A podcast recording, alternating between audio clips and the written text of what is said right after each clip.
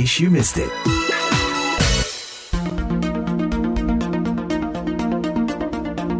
Bertempat di Museum Valkenkunde Leiden, pemerintah Belanda pada 10 Juli 2023 lalu secara resmi mengembalikan 472 benda seni dan artefak yang diambil secara ilegal atau dijarah dari bumi Nusantara pada masa kolonial. Nah, saya Jimmy Manan berhasil menghubungi dua tokoh yang berperan penting dalam tim repatriasi koleksi asal Indonesia ini, yakni Boni Triana, sekretaris tim dan pemimpin majalah Historia, serta Sri Margana, anggota ahli tim dan dosen ilmu sejarah di Departemen Sejarah Universitas Gajah Mada. Baiklah pendengar, saya sapa Pak Boni dulu. Pertama-tama, congratulations ya atas keberhasilannya ini. Prestasi besar ini. So, bagaimana iya. kesan-kesan yeah. Pak Boni dengan event yang terjadi pada Senin lalu di Falkenkunde Museum? Jadi uh, gini, kalau saya karena saya juga sejarawan, tentu saya ingin memahami apa yang terjadi hari Senin lalu itu seperti ikhtiar untuk melunasi utang dari sejarah gitu ya. Jadi ikhtiar untuk repatriasi ini kan sudah sudah apa has been started since 1950s gitu kan sejak 50-an dan menjadi satu hal yang diinginkan atau di, di, diidam-idamkan sejak kita baru merdeka gitu. Ya, tentu semua tahu bahwa orang pertama yang menyuarakan pentingnya repatriasi ini kan Muhammad Yamin ya waktu itu.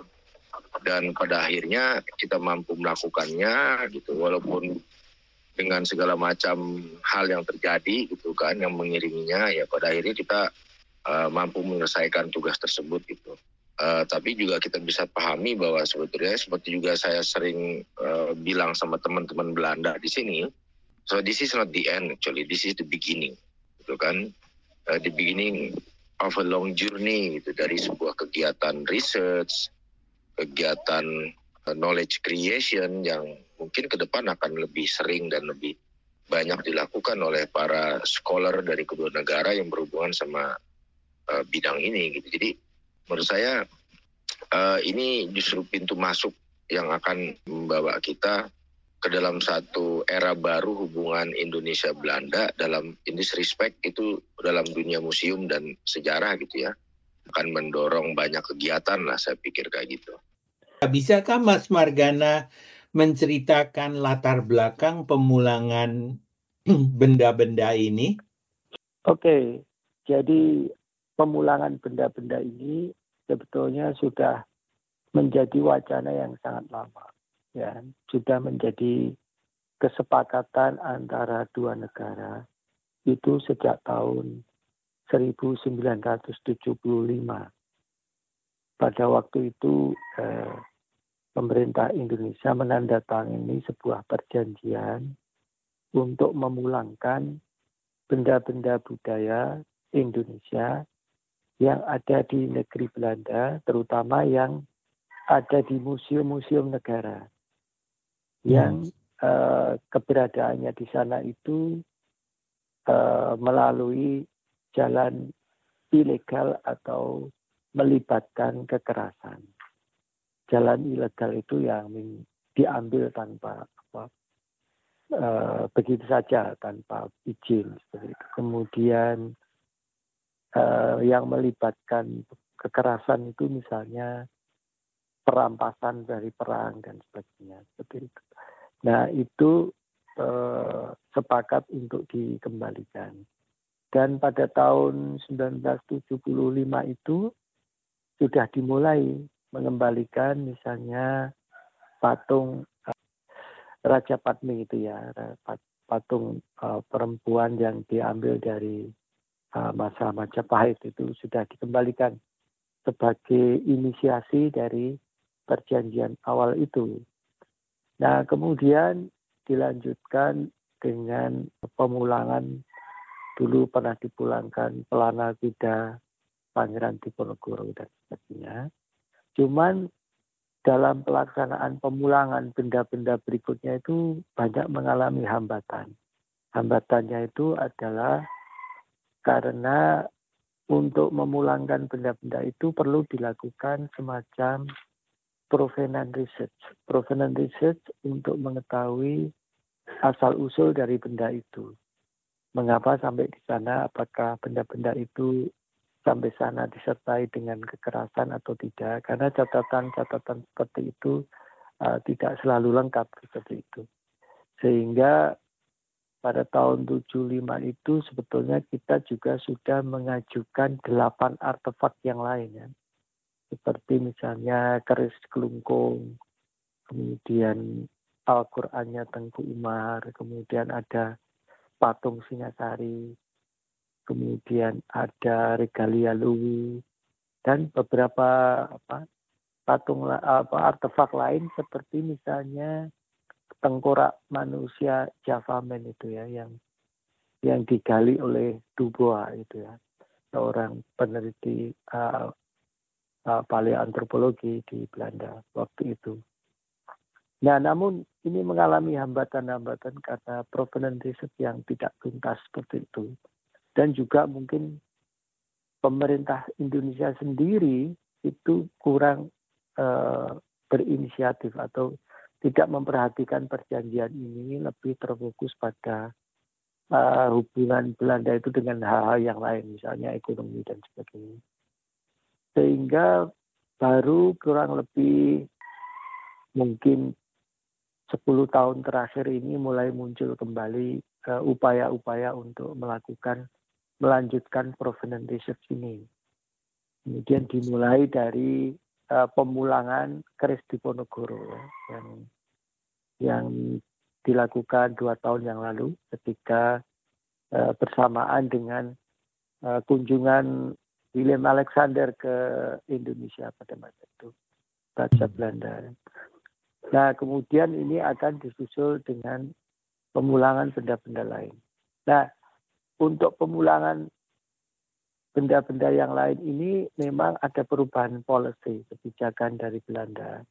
Kebijakan ini kalau dulu itu benda-benda yang melibatkan hanya benda-benda yang uh, diambil secara ilegal dan melibatkan kekerasan, tetapi sekarang ini Pak pemerintah Belanda ingin membuka lebih luas lagi benda-benda yang lain juga yang uh, tidak semua harus yang dirampas tapi juga benda-benda yang lain yang penting yang berada di Belanda dan penting bagi Indonesia. Itu sangat terbuka Belanda untuk bagi pemerintah Indonesia untuk mengajukan untuk dipulangkan kembali. Mas Margana, kenapa Belanda punya kebijakan seperti itu? saya kira ini kebijakan Belanda ini berkaitan dengan uh, situasi dalam negeri Belanda. Nah, situasi dalam negeri Belanda itu antara lain pertama di Eropa kan mengalami krisis ekonomi ya. Jadi pemerintah Belanda itu mengalami mencoba melakukan efisiensi dengan cara menggabungkan museum-museum negara itu menjadi satu tempat gitu atau mengurangi koleksi museum itu agar biaya untuk perawatan museumnya juga berkurang. Juga biaya untuk sumber daya membayar sumber daya manusia pegawai-pegawainya juga berkurang seperti itu. Jadi ada efisiensi itu. Kemudian situasi dalam negeri yang lain itu adanya tuntutan-tuntutan dari pemerintah apa rakyat Belanda sendiri terutama generasi muda yang mulai menyadari tentang apa itu reputasi Belanda dulu di masa kolonial. Sehingga bagi generasi muda Belanda itu sebagai sesuatu yang tidak baik. Sehingga uh, pemerintah Belanda juga ada desakan-desakan apa yang disebut proses dekolonisasi dekolonisasi yang awalnya itu dari isu historiografis itu juga berkembang kepada isu-isu heritage ini masalah benda-benda ini sehingga uh, pemulangan benda-benda ini bagian juga dari desakan-desakan agar apa pemerintah Belanda segera uh, apa ya memperbaiki atas kesalahan-kesalahan di masa lalu itu dengan mengembalikan benda-benda ini. Yang lain-lain itu saya kira juga karena apa kesadaran yang sangat besar pentingnya secara umum ya. Desakan kaum intelektual juga tentang pentingnya artefak itu bagi ilmu pengetahuan. Bagi produksi pengetahuan khususnya uh, di bidang sejarah budaya seni dan sebagainya terutama yang berkaitan dengan nilai dari artefak itu. Nah sehingga itu menjadi latar belakang utama mengapa Belanda ingin mengembalikan. Saya kira itu. Lalu Pak Boni?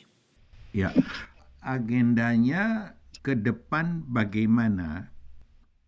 Ya, uh, seperti juga sudah sering dikatakan oleh Dirjen Kebudayaan bahwa bahwa sebetulnya kegiatan repatriasi ini apa it is not a matter about how to return uh, object gitu ya to uh, country of origin gitu kan. In this in this respect uh, Indonesia lah gitu kan. Ini bukan bukan bukan soal balikin barang aja tapi juga soal bagaimana how to how to produce knowledge kemudian how to engage more people uh, more scholar especially from the apa namanya yang generation gitu untuk terlibat dalam pekerjaan ini dalam kegiatan ini yang artinya dalam waktu ke depan eh, kegiatan repatriasi ini juga akan diiringi juga dengan beberapa hal lain gitu. Eh, bahkan kita juga membawa satu gagasan untuk ada beasiswa gitu bagi bagi orang untuk belajar tentang dunia museum, tentang objek, tentang koleksi seperti itu yeah. kayak gitu. Jadi tindak tindak lanjutnya masih akan panjang ya. Memang kalau melihat termnya uh, uh, Indonesian Restitution Committee itu kan uh, term kami akan berakhir kan Februari tahun depan ya. Akan berakhir Februari tahun depan. Uh, tapi kemarin kita sudah berhasil menyusun satu umbrella apa agreement lah gitu ya technical arrangement yang nanti akan mengatur semacam SOP-nya lah standar operating procedure-nya yang akan mengatur pengembalian itu ke depan. Jadi with or without us gitu, eh, komite akan habis termnya tahun depan ini, ya itu mestinya bisa berjalan terus. Ya. Hmm. gitu. Karena tugas dari komite atau dari tim repatriasi itu adalah salah satunya menyusun mekanisme pengembalian. Itu sudah kita selesaikan dengan penandatanganan dokumen kemarin. Pendengar benda-benda seni yang dikembalikan itu mencakup 335 barang emas dan perak dari Lombok, empat patung kerajaan Singasari, keris kerajaan Klungkung, serta 132 karya seni Bali yang dikenal sebagai koleksi Pitamaha. Benda-benda ini selanjutnya akan dikelola oleh Museum Nasional di Jakarta. Vida.